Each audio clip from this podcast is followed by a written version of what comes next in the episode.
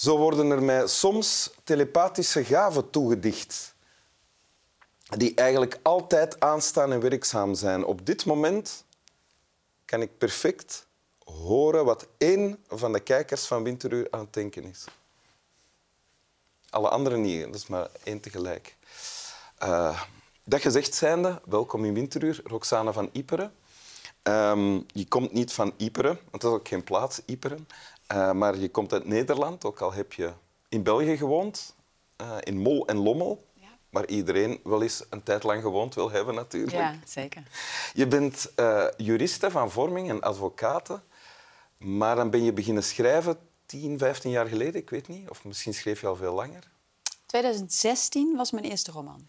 Ah ja, Het schuim der aarde. Ja, Schuim der aarde, ja. ja. Klopt. Dan komt Hoge Nest, ja. een boek dat 250.000 keer uh, verkocht is.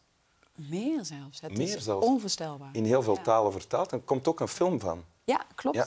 En het is een van de favoriete boeken van mijn moeder ook.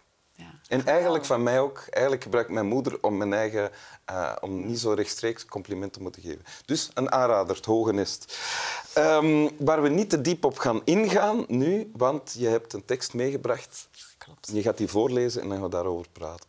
Het is een boek van een van mijn lievelingsschrijvers, Cormac McCarthy. Uh, bekende Amerikaanse schrijver. Schrijft bijna alleen maar over um, de grensgebieden het geweld van het ontstaan van Amerika. Dit is mijn lievelings, Meridiaan van Bloed. En ik wil graag meteen... Meridiaan van Bloed. Ja. De Engelse titel is in dit geval echt een stuk mooier. Blood Meridian. Dat vind ik toch op een of andere manier uh, mooier. Zie het kind. Het is bleek en mager. Het draagt een dun, gerafeld linnenhemd. Het stookt het vuur in de bijkeuken.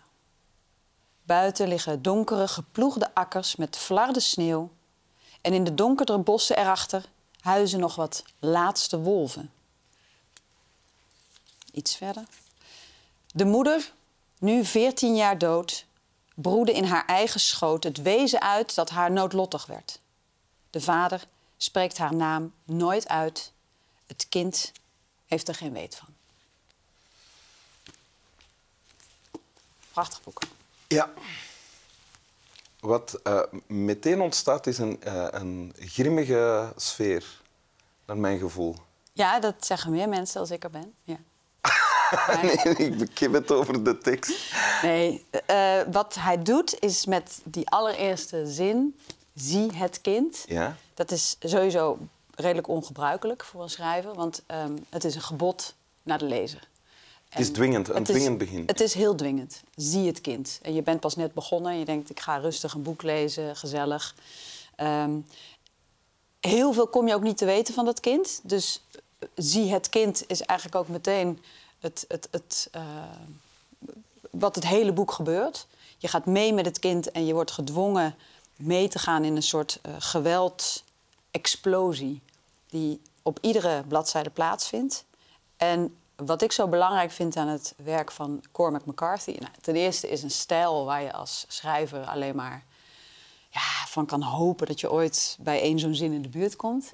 Maar ten tweede, wat hij doet, ook met dit boek... is de mythe van de Amerikaanse geschiedenis. Um, van de westerns, van de romantiek van de cowboys. Die stript hij volledig, zoals hij ook zijn zinnen stript...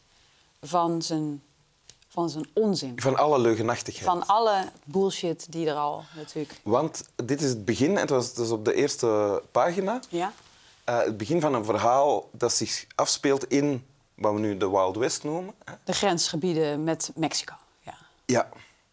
En, uh, en het kind is een kind dat een gewelddadige toekomst tegemoet gaat of er al middenin staat, hier ook. Nou, het, het, gaat niet eens zozeer om het kind of de inborst van het kind... en of die, of die van geweld houdt of niet. De wereld waarin die leeft is er een van continu geweld. En is er een van de geschiedenis van Amerika... waarbij eigenlijk alles op twee leggers... een, een, een balans op twee leggers is. En dat is namelijk uh, geloof en geweren. En alles... Was dat toen al zo? Nou ja, dat, dat is natuurlijk de, de, de oorsprong van Amerika... is het uitroeien van uh, de inheemse bevolking dat gebeurt in dit boek. En wat je dan hebt is één heel bijzonder karakter, ehm, een rechter, Judge Holden. Dat is een soort barbapapa. In die zin dat hij alle gedaanten aanneemt, maar ook een soort eh, baby van twee meter is. Hij heeft geen haar, hij heeft geen eh, kenmerken. Het is een soort. Kan die van vorm veranderen? Nou ja, hij verandert. Je vraagt je als lezer steeds af: bestaat hij wel? En hij is ehm, een soort orakel. Ja. Dus hij is zogenaamd de beschaafde rechter. En, en, en ik vind het ook een mooie eh, metafoor voor, de, voor het leven van, van nu, niet alleen van toen. Wat hij zegt is waarheid, zelfs als de omstander weet dat het totale onzin is. Ah, Oké, maar hij heeft au- zoveel autoriteit. Ja. ja. Hij zegt op enig moment, zie die dominee daar, die staat te preken op de kansel. Ehm, die is vorige, vorige week nog opgepakt terwijl hij eh, eh, op heterdaad betrapt werd... terwijl hij een elfjarig meisje stond te verkrachten. Vervolgens, die menigte gaat die dominee lynchen. Daarna komen ze vermoeid van, het, van, van, van, van, van de vechtpartij... komen ze weer terug naar binnen. En dan staat de rechter staat daar eh, aan, de, aan de toog een pintje te drinken. Ehm, en dan zeggen ze, ah, maar was jij daar dan toen... toen... Oh, nee, ik ben daar nooit geweest. Ik heb die man eigenlijk ook nooit gezien. Ik weet niet eens wat daar gebeurd is. En dan drinkt langzaam tot iedereen door... "Eh, Maar dat, je, hebt, je zegt dus maar wat. En dan denk je, nou oké, we drinken weer verder. Oké. Terug naar, naar het... Dus, dus ja, wat je nu beschrijft is een voorbeeld van gratuit geweld. Hè? Ja. Eh, een, eigenlijk een, een omgeving waar nauwelijks regels zijn, denk ik. En degene die het meeste gezag heeft... Dat zijn ook of regels, hè? meeste macht, die, die eh, kan zijn regels doen Ja. gelden. Eh, op welke manier zit dat al in, het, in de paragraaf die jij mee hebt gebracht? Of voorgelezen? Ehm, nou ja, wat in ieder geval in die paar zinnen eh, al zit, is dat je ziet dat het kind zelf al bijvoorbeeld van een, ehm, een identiteit gestript wordt door te zeggen: eh, de moeder bestaat niet. Sterker nog, de moeder is dood door het kind, door Ja. de geboorte van het kind, Ja. hè, het kind dat haar noodlottig werd. Ja, de moeder broedde in haar eigen schot het wezen uit dat haar noodlottig Noodlottig, werd. Waardoor het kind ook al een klein beetje de schuld krijgt van... Ja. Het kind heeft dus verder geen identiteit, ook niet in de zin dat... eh, en de vader bijvoorbeeld noemt dus ook nooit de naam van de moeder. Je, je weet dus meteen, er wordt nergens over gesproken. Ehm, maar de lezer moet wel naar het kind kijken. Dus eigenlijk krijgt het kind gestalte door mijn ogen. Ja. Nou ja, is er iets mooiers dan dat, als je dat kan bereiken met een boek? Is dat waar jij ook naar streeft als jij schrijft? Nou, ik denk dat dat eh, ja, de, de allerhoogste ambitie is. Dat een boek niet meer van de schrijver is, maar van de lezer. Dus als jij er een relatie mee krijgt eh, en het kind... Ik, jij, ik als lezer bedoel Ja. je? Ja. Ehm, en het kind dus echt levend wordt in mijn hoofd en niet door de schrijver. Ja, ik denk wel dat dat het hoogst haalbaar is. Zo min mogelijk invullen, zodat het bij de lezer kan gaan leven. Ja. Want dat is het hier, eh, ontstaat in wat jij voorleest, ontstaat voor mij, er sta- ontstaan beelden en ontstaat een sfeer, een grimmige sfeer. Terwijl dat, dat helemaal niet letterlijk gezegd wordt eigenlijk. Nee. Nou ja, dat is wat ook het heel ingewikkeld maakt om over geweld te schrijven. Ik schrijf veel over geweld en het is heel moeilijk om balans te vinden tussen eh, pathetisch worden en in gaan vullen dat we iets erg moeten gaan vinden. Terwijl een lezer misschien geen enkel gevoel heeft bij een, een man die gelyncht wordt, een vrouw die verkracht wordt, een wat dan ook. Ehm, dus de kracht van het inhouden, dus niet pathetisch worden, maar ook niet vervallen in vage statistieken. Dus, hè, bijvoorbeeld als je over oorlog schrijft, door alleen maar te zeggen, nou er vielen zoveel slachtoffers. Of de andere kant, wat je vaak ziet in boeken waar ik niet van hou, is dat het sentiment er zo dik, dik Dat het te veel wordt ingevuld. Ja. Dat ik denk, ja, maar mag ik zelf ook nog? Is er ook nog ruimte voor mij? ja. Nou ja, en dat is bij het schrijven over geweld, wat hij dus heel goed doet. En lukt jou dat? Ben je zelf tevreden eh, over wat je schrijft of geschreven hebt dan?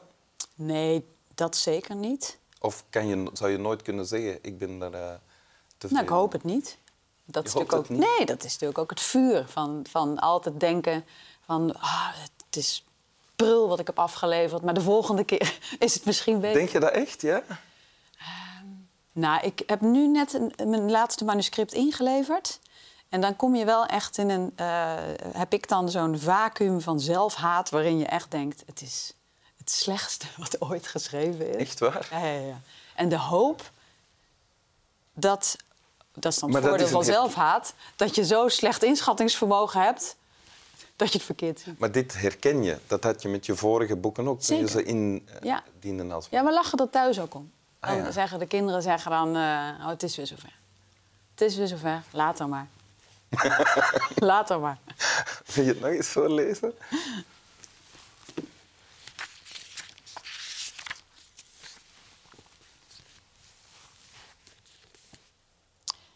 Zie het kind.